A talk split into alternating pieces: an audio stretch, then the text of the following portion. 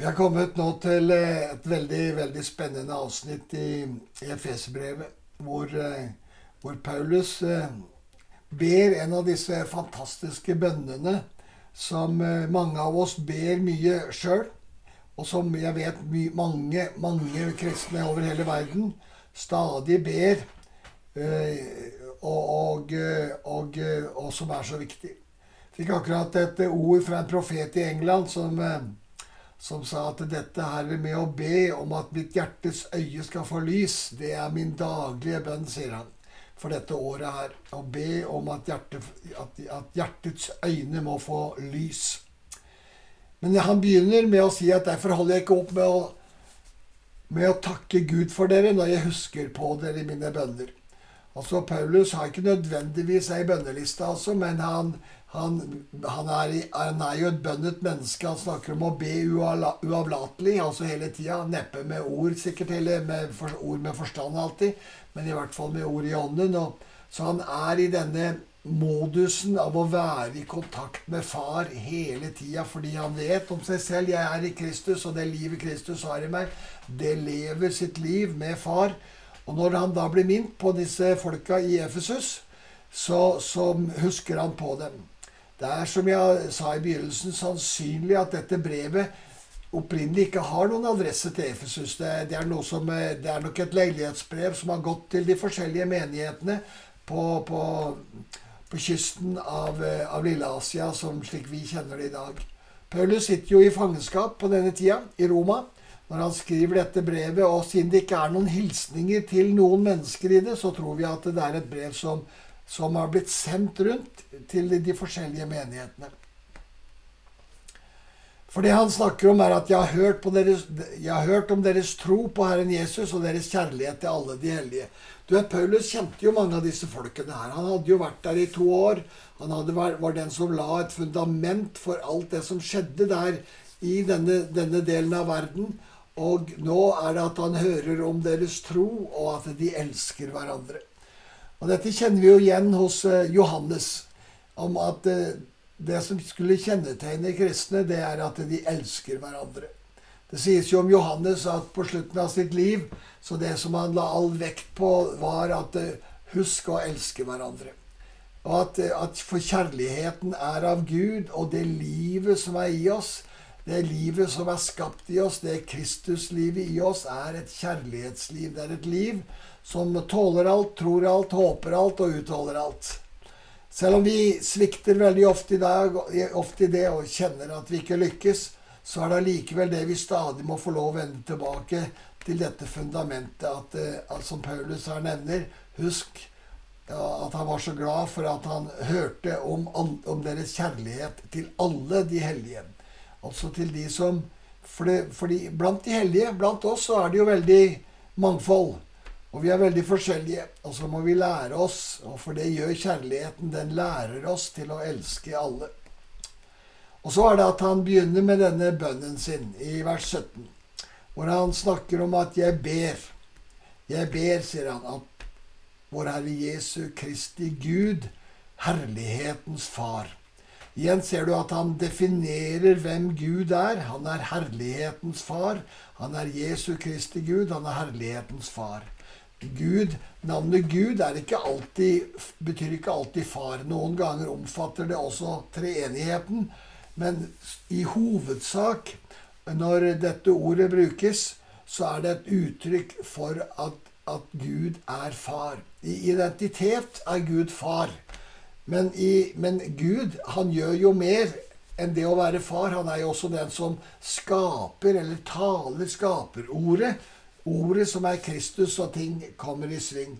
Så Gud, han men, men, som i identitet. Hvem Gud er i identitet. Ja, så er, det, er Paulus krystallklar på at han er far, og det er jo Jesus. Han er krystallklar på at Gud er min far, sier, sier Jesus hele tida. Så, så, og det er veldig viktig for oss at vi holder fast ved dette. Jeg er jo veldig glad for at denne nye oversettelsen den ikke bruker fader, men far.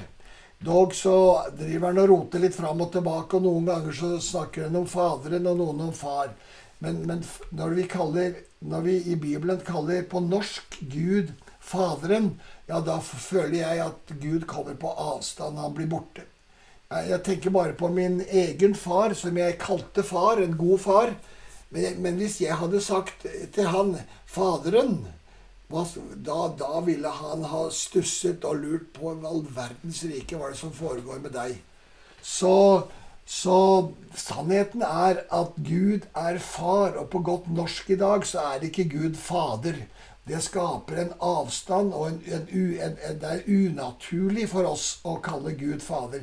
Det viser noen ganger for meg at kanskje vi ikke kjenner Gud som far, og ikke er trygg på Gud som far hvis vi kaller han fader. For da, da, eller at det rett og slett bare er en uvane vi har lagt oss til. fordi det jo, står jo i de gamle bibeloversettelsene så står det jo alltid 'Fader'. Men det er en og det, det, er, det, er, et religiøst språk på en måte for å holde nærmest Gud litt som far litt unna. Men når vi blir kjent med Gud som far, Abba far, som Paulus snakker om ikke sant?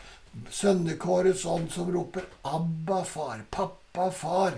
Jesus som selv bruker det uttrykket i Getsemane, da før han skal til korset. Abba, far, om det er mulig, så la denne kalk gå meg forbi. Altså, dette er det intime bønnespråket som, eh, som er helt naturlig for oss. Og når Jesus skal lære oss å be, så vi, vet vi at i Lukas evangeliet så sier han bare at vi skal be Far. Far, sier han.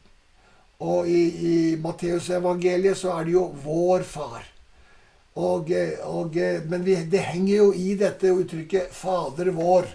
Og jeg er jo veldig lykkelig for at vi har fått denne nye oversettelsen som bruker ordet 'far' her, og bruker 'vår far'.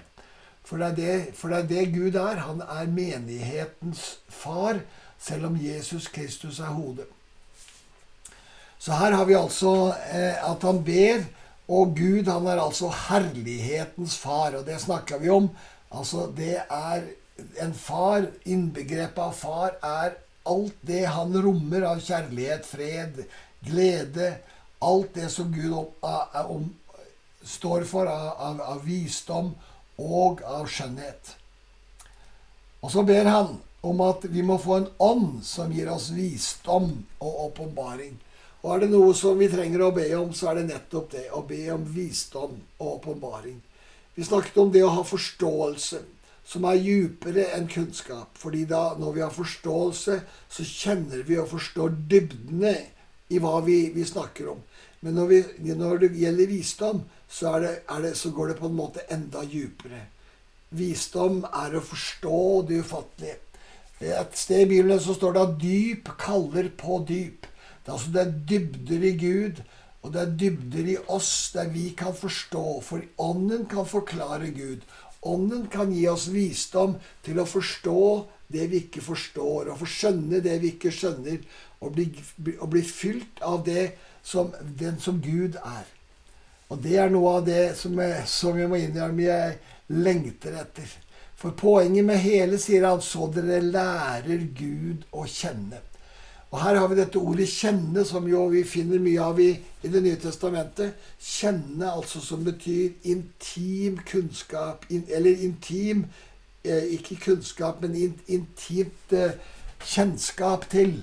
Egentlig så kommer det jo fra, dette, fra et ord i Det gamle testamentet som, hvor det står at Adam kjente sin, sin kone, og så ble hun gravid. Altså dette faktisk, det har det samme ordet som seksuell intimitet. Og eh, her snakkes det altså om å kjenne Gud intimt. Eh, og, eh, og, og, dermed så er det snakk om altså å, å, forstå mer og mer hvem Gud er. Nå vet vi at Gud et, er et vell av, av styrke, kraft og alt han er.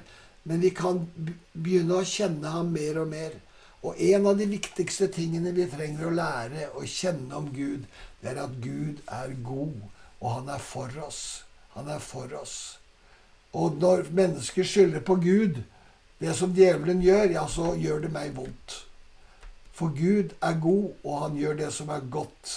Og han velsigner oss. Men også Gud er nødt til å forholde seg til at eh, det vi sår, det høster vi. For det har Gud gitt oss retten til. Gud har nemlig overlatt jorda til oss, og når vi da velger å følge en annen det store flertall, så er det noen av oss da som har fått nåde til å kjenne Gud og komme inn i Guds nærhet og inn i Guds rike. Og så er det vi som da skal få lov til å formidle Guds godhet, Guds kjærlighet og Guds nåde. Guds barmhjertighet. Tenk på at Gud er så barmhjertig at han lar den skyldige gå fri. Det er det vi har fått. Og så fortsetter han med å be om at, han, at, at vårt hjertets øye må få lys. Altså Han snakker ikke om at forstanden vår i og for seg skal opplyses, men at hjertet vårt skal få lys. Altså, det, det som er hele hemmeligheten med kristendom, er jo at når Gud skapte mennesket i sitt bilde, så skapte han Adam og Eva til å ha et hjerteforhold til seg. Han ville ha et hjerteforhold, ikke, ikke nødvendigvis et forstandsforhold. Det er klart de skulle få kunnskap, de skulle forstå. Men det var hjertekommunikasjonen som var Guds måte å kommunisere med Adam og Eva på. Og det var det Adam og Eva mistet ved syndefallet. For da åpnet, ble deres øyne åpnet. De så noe annet. De så kunnskapens tre, og de så kunnskap, og, etter det så skulle de leve etter kunnskap. Slik som vi lever i verden i dag. Vi, vi, det, det er kunnskapsjaget som styrer oss. Og jeg er ikke imot kunnskap på noen som helst måte, men det er bare at det, det fører oss ikke inn i nærværet til Gud. Kunnskap fører oss ikke til Gud. Det nytter ikke å bli kjent med Gud gjennom tanken.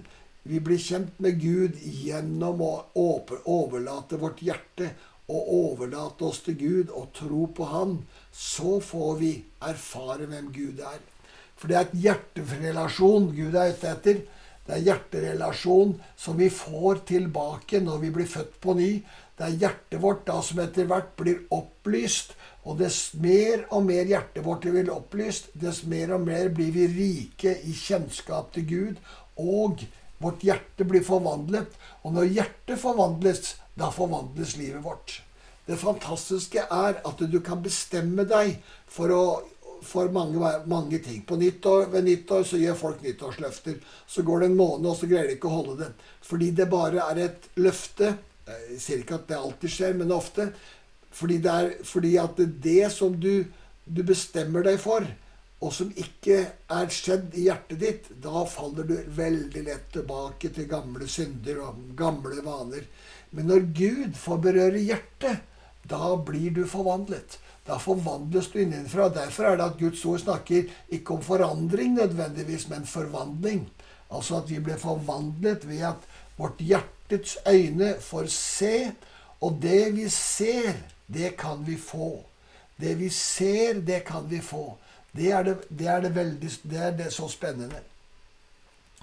Og når vi får et hjerte for lys, jo, da får vi innsikt. Da får vi forståelse. For det er det som står videre her. Og det vi får forståelse om hvilket håp han har kalt oss til, og hvor rik og herlig hans arv er, for, er blant de hellige. Eh, her er det forskjellige oversettelser. I denne oversettelsen står det hvor, hvor herlig hans arv er for de hellige. Og da høres det ut som at det, er, at det er vi som får en arv. Men jeg tror egentlig at er en oversettelse i en annen bibel som sier 'blant de hellige' sier noe om at Gud har en arv. Jeg tror jeg var inne på dette før. At Gud har en arv. Gud har en rikdom. Gud ser på oss som en rikdom. Han, vi er en arv for han, noe som vi tilhører ham. Og det at vi tilhører ham, det er en glede for Gud. Gud gleder seg over oss. Han fryder seg over oss. Vi kjenner jo dette ordet fra profeten Sefania 3, 3,17, hvor det står at, at, Gud gleder og fryder seg over oss. De, de, som kan hebraisk, sier at Gud slår koldbøtte i fryd over oss. Altså, Gud gleder seg over sin skapning. Det er klart han gjør det. Han har skapt denne fantastiske jorda. Han ser på den, og han fryder seg over blomster og trær og alt som er på den. Og skulle han ikke da glede seg og fryde seg over oss, som er hans ypperste skapning? Og han, han, han, elsker å se oss, og han lengter etter oss. Og noen ganger så står det vel at han At, at, du kan komme så nær at, han, at, han, tar deg hjem. Det står jo om det om Enok. At han levde med Gud, står det, og så ble han borte. Gud tok han til seg. Nærværet og intimiteten mellom far og sønn, i dette tilfellet Enok, ble så sterkt at han rett og slett tok han hjem. Så her er det rikdommer i denne bønnen som er helt enorm. Og eh, altså det er en overveldende kraft og rikdom hos Gud. Og så, skal vi, så tror jeg faktisk at jeg skal avrunde der med å snakke litt om hvor overveldende hans kraft er hos oss som tror.